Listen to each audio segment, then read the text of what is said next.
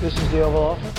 Hey, focus on the field. Focus on the game. Focus on the game. Somebody said, you know, this is uh, the greatest home court advantage that, that you could have, uh, have in this office. Hey, we need to step the f- up, man. So that's the Oval Office.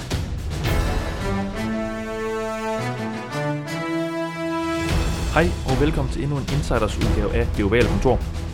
Jeg hedder Mathias Sørensen, og denne gang er det blevet tid til et nærmere kig på New York Jets og Pittsburgh Steelers med hjælp fra Daryl Slater fra The Star Ledger og NewJersey.com og Joe Rutter fra TripLive.com. Inden jeg starter det første interview, vil jeg lige gøre opmærksom på, at du i denne sæson kan spille picks med os her på Det Kontor. Vi vil nemlig i starten af hver uge lave et lille program, hvor vi i fællesskab sætter vores picks for den kommende runde.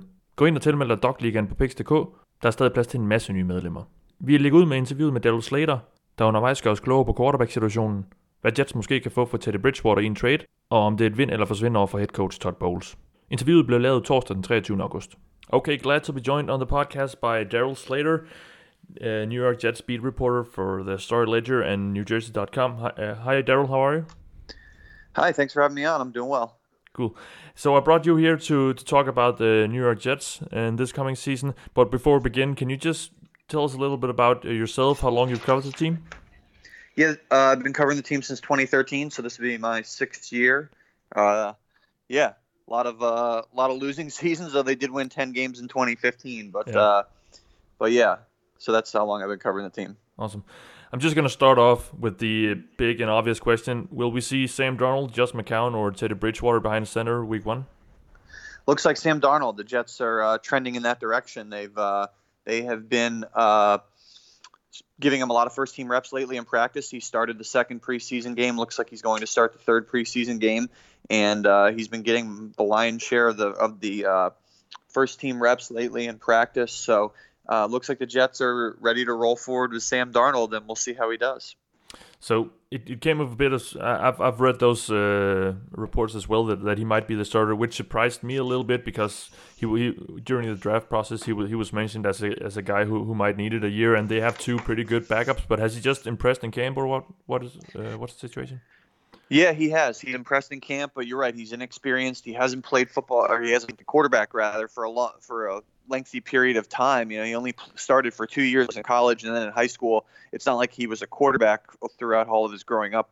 You know, when he, when he was a kid, but uh, so he's still rather inexperienced at the position, but he's done a, a really nice job in training camp this year, and the Jets understand that he's their future. And Jet and Josh McCown isn't. Josh McCown's 39 years old. Teddy Bridgewater's on a one-year contract, and who knows about his knee injury? I'm sure the Jets would love to trade him if they could get something for him. Um, so the Jets understand that Sam Darnold is their future. I, you know, I don't think they. We'll see if this is ends up being a wise decision to play him in Week One uh, to start him.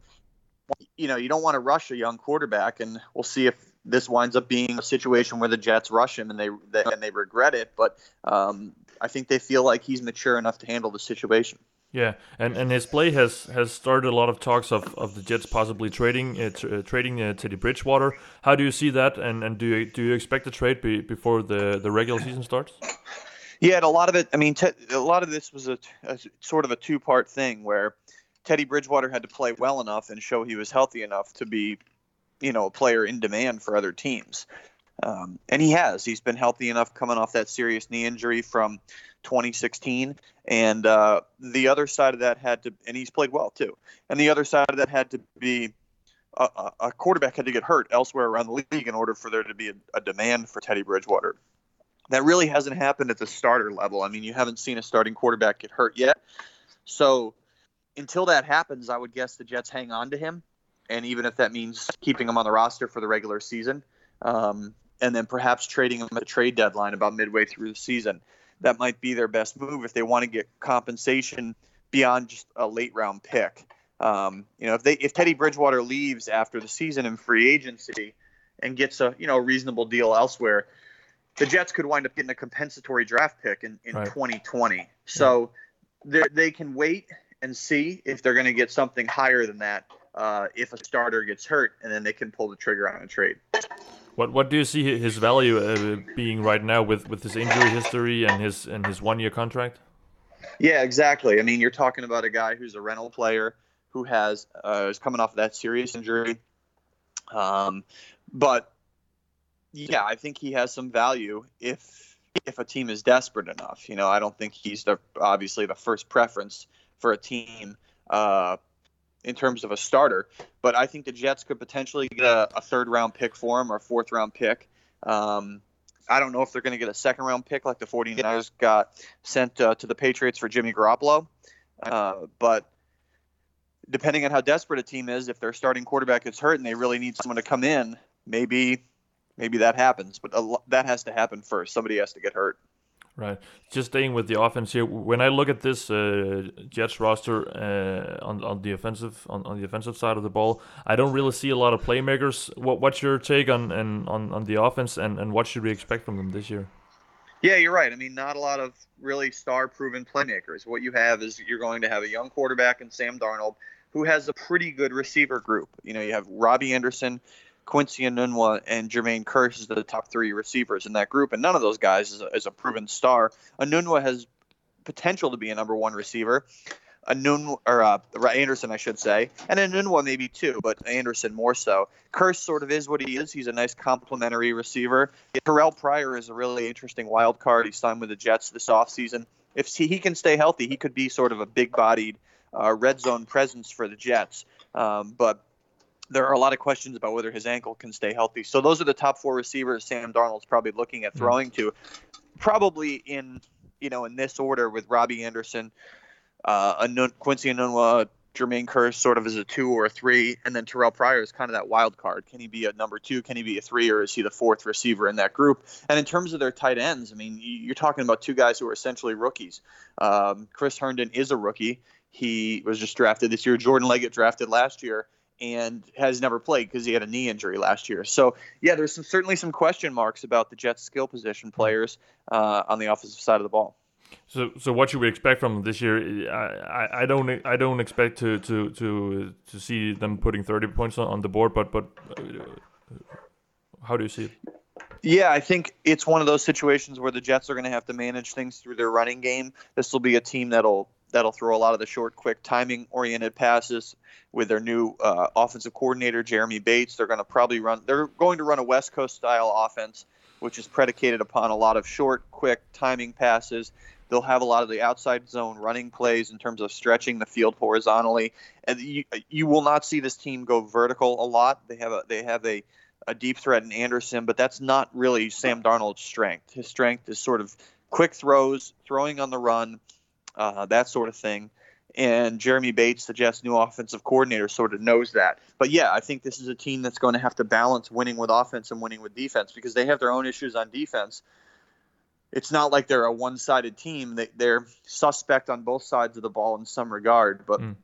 I think they're upgraded from last year, which isn't saying much because their roster composition was pretty terrible last year. Right. Yeah, and, and let's just turn to the defense because uh, they, they've brought in some some some players in free agency. Avery Williamson at linebacker, Trumaine Johnson at cornerback. How do you see this unit going into this year? Is is it better than last year? In some regards, yes. I think the the biggest question remaining for the Jets is uh, pass rush. You know, how will they how will they be able to generate any kind of pass rush? They haven't been able to do it in recent years, especially last year it was a disaster. Leonard Williams is, is their best pass rusher as a defensive end, but you know he has 65 career quarterback hits, but only 12 sacks. So he hasn't been able to turn those those hits of the quarterback uh, after the guy gets rid of the ball into into actual sacks. So um, and he's going to face a lot more double teams this year because the Jets don't have anyone really right now that can draw double teams away from him. Their other defensive end is Nathan Shepherd. He's a rookie. He came from a very low level college. In, in Division two, which is like much lower than you know you're talking about Ohio State's and USC. Right. Yeah. That's you know two levels down from that. So he uh, you know, there are question marks about him, even though he's performed well in the preseason so far. Um, and the Jets' outside linebackers have not been able to get much of a pass rush. But I think you mentioned Trumaine Johnson. He should be a big asset for the Jets, a lockdown cornerback who can help that secondary. Maybe if the Jets want to overload on blitzes a lot more, and uh, and let the uh, and let that secondary kind of hold up. Maybe that might be the the formula for Todd Bowles there to get some pressure finally on, on the quarterback. Yeah, and and uh, last year in, in, the top of the first round, uh, the the Jets took safety Jamal Adams. He didn't really, so he didn't put up huge numbers last year, but but is he ready to take the ne- next step this year? You think? Yeah, the next step for him would, is being better in coverage. He had a solid enough rookie year. He's certainly very confident. He's a big talker, and now it's time for him to kind of back up some of that confidence and that talk with improved play and coverage. You know, he he was victimized a little bit by some tight ends last year.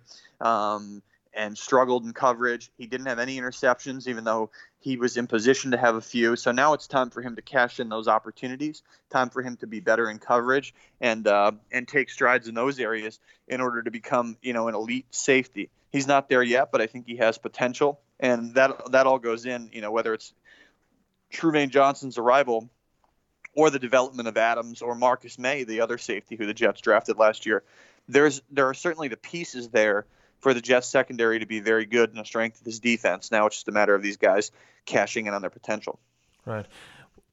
What what what should we make of, the Jets this year? Because when I look at them uh, for the last couple of the, couple of years, it seems like they've been rebuilding, but it, it still looks like they're a few years away from being an actual contender. What what, what should we make of it? A lot depends on Sam Darnold. I mean, the progress that he shows or doesn't show this year will go a long way toward determining uh, whether number one Todd Bowles sticks around for next year, and then also you know how close the Jets are to being a legitimate contender. They still have holes. You know they need to find a, a, a pass rusher. They need to find a dynamic running back.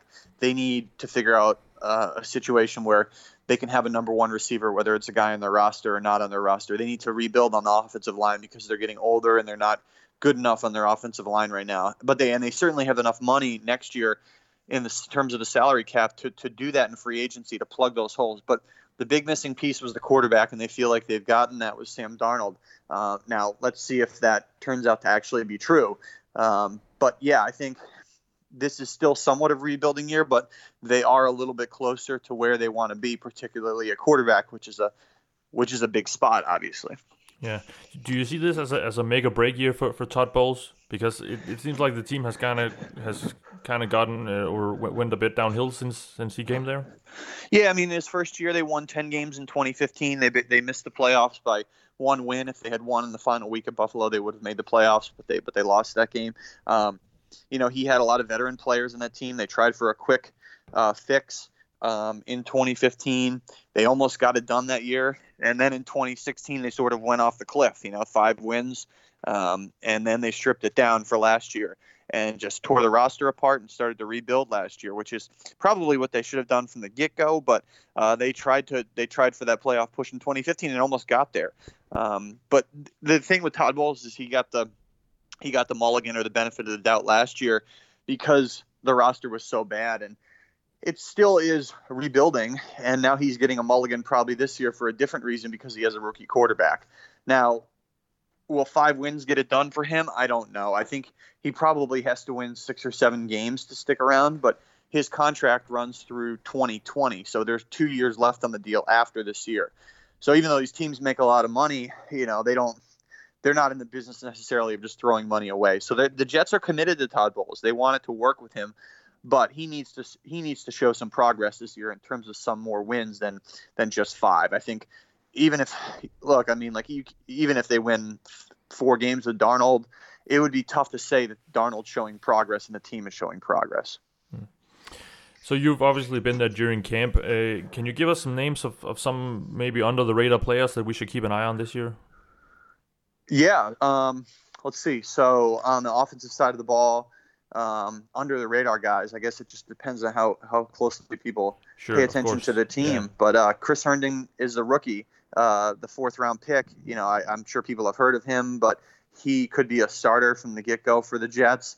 Um, in terms of uh, a receiver, a guy named Trey McBride has impressed a little bit in training camp here. He is still fighting for a roster spot, but he could provide some depth at receiver. Very, he's very much an under the radar guy in terms of the defensive side of the ball, the Jets, like I was saying, they need some edge rushing, edge rushing outside linebackers, some guys who can get some pressure off the edge on the quarterback. And they've really struggled to find that. And they've they've searched high and low on their roster in this preseason. There are a couple guys, uh, Brandon Copeland and Frankie Luvu. Uh, Copeland's been around the league for a little while. Co- uh, Luvu is an undrafted rookie, uh, so very much an under the radar guy. Um, and maybe he can provide them some some pressure on the quarterback in a situational pass rushing role. So that'll be interesting to see um, how that shakes out. Has anything stood out to you during camp? Uh, any uh, positive surprises, negative surprises? Yeah, I mean the, the one, the one I guess on maybe on the negative side is the Jets' uh, kicking battle remains very murky. Um, they brought in they the Chandler Catanzaro left in free agency. He was their kicker last year, and they brought in Cairo Santos, sort of a proven veteran coming off a groin injury to uh, to be their kicker. Well, he he hasn't he hadn't been able to stay healthy. He had a chronic leg issue, and the Jets just cut him. They signed. Uh, they had had this other kid in named Taylor Bertolet uh, uh, from a rookie minicamp tryout. He never kicked in the NFL, so a big unknown there. And so they brought in Jason Myers, formerly the Jaguars and the Seahawks. So maybe he's the kicker. Um, you know, I know that's not a sexy position, but I know, you know, obviously it's very important for a team that's going to be in a lot of close games like the Jets could be. So that's been kind of a negative thing that the fact that we, we all thought that Santos would come in and waltz his way to the starting job hasn't been the case. He's gone now and the Jets have a murky quarterback situation. In terms of uh, some of the positive surprises for the Jets, I think the rate at which Sam Darnold has grown is certainly a positive surprise for the Jets. I mean, he missed the first three practices of camp while going through a holdout for his contract, and uh, and he's really taken off. I mean, not, not to say he's been flawless, but I think he's been impressive enough overall that it would qualify as something of a surprise that he's how he's come in and, and taken this thing by the reins. Hmm. Could we see any surprising roster cuts here before uh, the fifth man roster is, is, is set? Uh, I don't know necessarily that there would be any surprises. I think if you look at it on merits, there yeah. uh, Chad Chad Hansen, the the fourth round receiver from last year, really hasn't done enough. He's not one of their best receivers. Um, if you look at the merits of it, he probably doesn't deserve to be on the team. But um, I don't think the Jets cut him because Mike Maccagnan, the general manager, controls the 53 man roster. And, uh, you know, he just drafted the guy last year in the fourth round. So I'd have a hard time seeing him uh, uh, admitting a mistake like that by cutting a kid after just one year. But I think that would certainly qualify as a surprise cut for sure. Um, other than that, I don't think the Jets really have anyone who was big enough named that it would qualify as really a surprise cut. Right. Um, but some of these other guys, like Lorenzo Mauldin, third round pick from a few years ago, he's a goner. Um, we know that. Okay. Um, any players uh, poised for for a breakout year? Yeah, um, Leonard Williams. I mentioned him earlier. He's he's been sort of on the cusp of getting there um, in terms of being a better pass rusher. Jamal Adams, um, another guy who mm. looked at last year like he was close. Um, Robbie Anderson, uh, 900 yard season last year, very good player. Could he be an 1100 yard receiver? I mean, th- these are all young guys who have succeeded to some degree, but have yet to prove themselves to be consistent Pro Bowl level stars, and they could all be on in, in the mix for breakout year type guys. Right. Will the Jets finish uh, second, third, or fourth in the uh, AFC uh, East this year? oh, interesting one. Um, I mean, I think they could finish anywhere from yeah. Like I'm glad you eliminated first. I, right. I, I think uh, I think they could finish anywhere from second to third. I don't think they'll finish last. Um, I think this is a team that probably has a ceiling anywhere from six to eight wins. Um, they should be better than last year. They won five last year. They won five the year before. I think they should be better than that. Um, I don't see them being a wild card playoff team. Um, maybe they win nine games and they sneak in. Generally, you know, you got to win ten, and they won 10 a few years ago and didn't get in. But um, I don't. I don't see 10 wins and 9 wins for this team. I think they're probably a 6, 7, or 8 win team. Right. I'm just going to finish off here, Daryl, with, with two questions. What's the one reason to be optimistic about the Jets this year? Sam Darnold. I mean, that's it. I mean, that's the one thing everyone's focusing on is the quarterback this year. It's, I mean, it's a quarterback rigged league. If you don't have a quarterback, you're not going to win. And the Jets feel like they have a guy who can develop and uh, well, let's see if that winds up being true. But I think he's shown the fan base and the Jets enough so far that there are certainly reasons for optimism. Um, so that would certainly be, be be a big one. Yeah, and just turning it upside down, what's the one reason to be pessimistic about the Jets? I think the pass rush issue the, and the question there: How are they going to get pressure on the on the opposing quarterback? If, if you can't do that consistently, it's really hard to win in the NFL these days. If you cannot get pressure uh, and, and you give the guy too much time to sit back there, I mean, you talk about in week one, the Jets go play Matthew Stafford, who's a very, very good quarterback in Detroit. And, you know, if they can't make life hard for him back there in the pocket, he's going to sit back there and pick them apart. I don't care how good their secondary is. Um, you know, if you can't get some pressure on him, it's going to be a, a, long day for your defense. So the Jets have to figure out how they're going to do that. Whether they're going to overload with blitzes and let their and ask their secondary to hold up in man-to-man coverage, whether they're going to hope or or see some development from Nathan Shepherd or one of these outside linebackers in terms of a guy being able to beat some blocks. Um, they have to do it one way or the other. I mean, they were one of the worst teams in the league last year in terms of getting to the quarterback.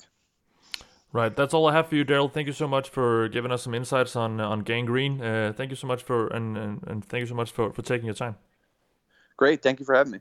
Det var Daryl Slater, og det næste vi skal høre er Joe Rutter. Jeg havde faktisk en god snak med Joe Rutter om eftermiddagen den 24. august.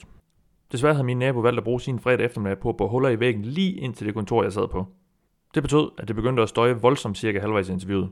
Resultatet er blevet sådan, at jeg måtte klippe 3-4 spørgsmål ud, fordi lyden simpelthen var for dårlig.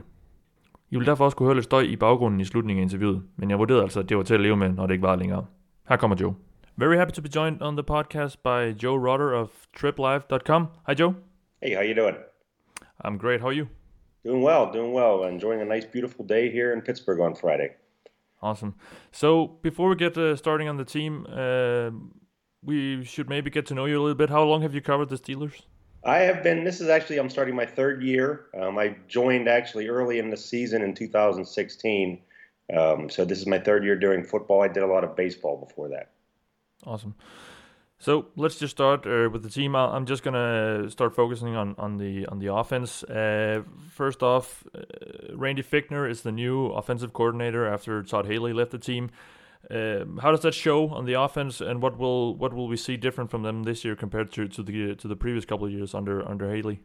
That's uh, that's a good question. We you know we, we really don't know because we haven't we've only seen two exhibition games, and you know I think they've pretty much kept everything basic. They haven't really opened up the playbook and tried some of the big plays. I think they'll try once the season starts, but I don't think it'll change much.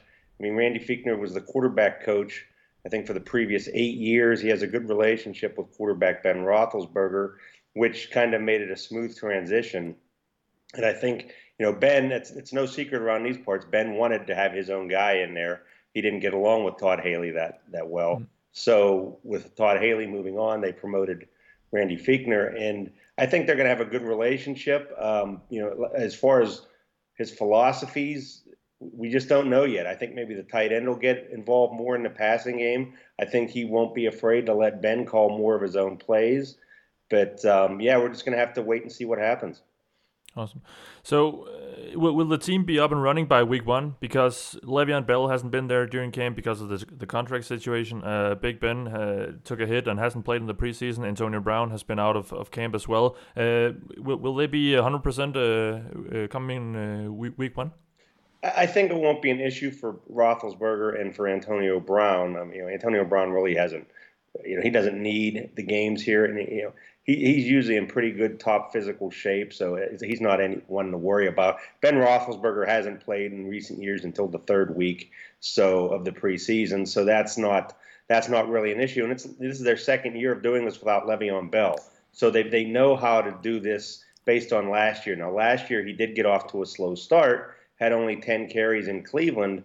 And, you know, the Steelers barely won that game against a team who would go on to be 0 and 16. So, I, you know, I think they would hope that Le'Veon Bell comes when he shows up in good shape and is ready to go. But I think they've tried to work in some alternate plans in case he's not. How has the whole situation uh, around Le'Veon Bell has it affected the team? This is the second year in a row, so so are they used to it? I think so. I think they've prepared for for him being away a little better. They've got a, a more capable backup running back in James Conner, who's now in his second year. They've given him a lot of the workload in the preseason to get him ready in case they need to rely on him. Um, you know, because the one thing about last year, Le'Veon Bell, even though he wasn't here, posted a lot of videos on social media of his workouts. So you kind of got an idea of what he was doing. This year, he hasn't done that. So it's kind of a mystery on what kind of shape he's going to be in when he gets here. And he's only going to have a week of preparation if he shows up when the Steelers expect him to. So I think that they've got Levy, James Conner ready to pick up the slack until Le'Veon Bell's ready to go. So I think they're maybe a little better prepared because they went through this a year ago. Is there any doubt uh, regarding when he will be back? He has said and his agent has said that he will be here for the first game. Um, last year, he showed up on Labor Day, that Monday, and that was six days before the opener in Cleveland. They open up in Cleveland this year again, so are the expectations, or he'll be back on Labor Day. Now, you know, he can theoretically not sign his contract and stay out up to, I think, eight or 10 weeks and still qualify for free agency next year.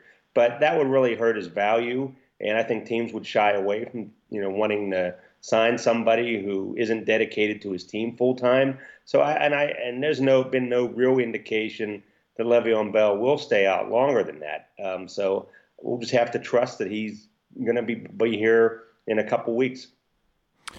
And what do you see about him regarding after this season? Will, will we? Is this the last year for him in Pittsburgh? You think, and or, and will we then just see them see them running him into the ground, so to speak? I would think so. Uh, from the Steelers' perspective, if they expect this to be his last year, why wouldn't they take advantage of it and play him as, as much as they can and get the most value out of him and not try to save him for anything? Um, Le'Veon Bell is going through this two years in a row now. He'll be that much closer to free agency in March where he can expect to cash in on a big contract.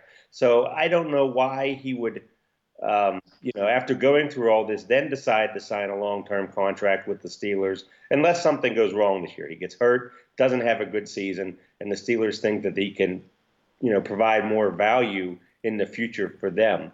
But otherwise, I don't see any reason that he will be here next year. I think he's going to try to cash in with a big contract somewhere else. And it'll be a big risk because he's going to be playing on a team that doesn't have a strong offensive line, probably doesn't have the quarterback and doesn't have the receivers in place to help him.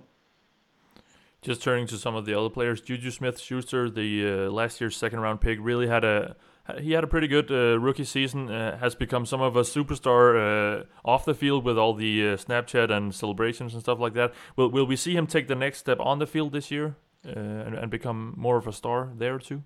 I think so. He um, the thing about him, he did come to training camp a little bit banged up. He had a knee issue in the off season. Um, he has been in and out sporadically through the first you know, through training camp and some of the exhibition games. I think this Saturday will be a big key when the starters are supposed to play into the second quarter against uh, Tennessee. But I think there's all indications are, and from what we've seen when he's been out there, that he's ready to have a bigger year this year. They, they a lot of pe- teammates and coaches have talked about him that even though he is this social media star and does all these things off the field, that he really is dedicated to football first, and he's you know seems to be have the right frame of mind to want to be a better player this year, and the Steelers are counting on that. And just as I said, he was uh, he was taken in the second round last year. This year they took another receiver in the second round uh, uh, with James James Washington. Uh, how much will we see him this year? And could he be a, a new Juju, so to speak? yeah, they're actually similar players, similar sized. Although Juju might be a little taller. Uh, James Washington is one of those players that doesn't doesn't look extremely fast, doesn't have the build, but he is a physical football player. He um, he, he showed against Green Bay last week. Two times he jumped up in the end zone, came down with touchdowns, and wrestled the ball away from the defensive back. And now he attributes that to his upbringing in Texas when he worked on a farm baling hay with his father um, growing up, and that's how he got his tough hands and strong work ethic. And he's really pleased the Steelers with the way he's developed as a rookie, and they've talked about getting him more involved with the offense and uh, you know getting him working with Ben Roethlisberger a lot more to see what all they can get out of him. Mm. And uh, regarding uh, Roethlisberger, uh, over the last couple of years, he seems to have been contemplating retirement. He went out after the, the horrible Jaguars game last year and said he, he might not have it anymore. How what do you see from him the next couple of years? Could this be uh, his last year in Pittsburgh? I don't think so. I think a lot of that frustration about retirement had to do with his relationship with Todd Haley. And now that Haley's gone, I mean, they kind of knew at the end of the season he would be he would not be returning. And Ben came out and said he wanted to keep playing several more years. Um, after the Steelers drafted Mason Rudolph as a quarterback in the draft, Ben all of a sudden came out now and said, "Well, maybe I want to play three or five more years." And he showed up to camp in great shape. He looks thinner than he has in several years.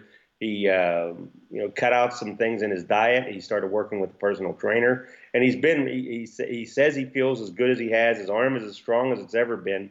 So I think he wants to keep playing, especially as, all, as long as they have the offensive line in front of him that they do. They have everybody back for one more year. Most of them are back for two more years. So I think that'll play a long way into how long Ben Roethlisberger keeps playing. Right. The last couple of years, uh, uh, for a number of years now, Pittsburgh has, uh, has been one of the, has had one of the better offenses with with the Killer B's and all that. Uh, are we going to see that again this year? Oh, I would think so. Uh, they're going to probably have one of the stronger offenses. One of the problems they had last year was, you know, Todd Haley always talked about, you know, it'd be nice to average 30 points a game.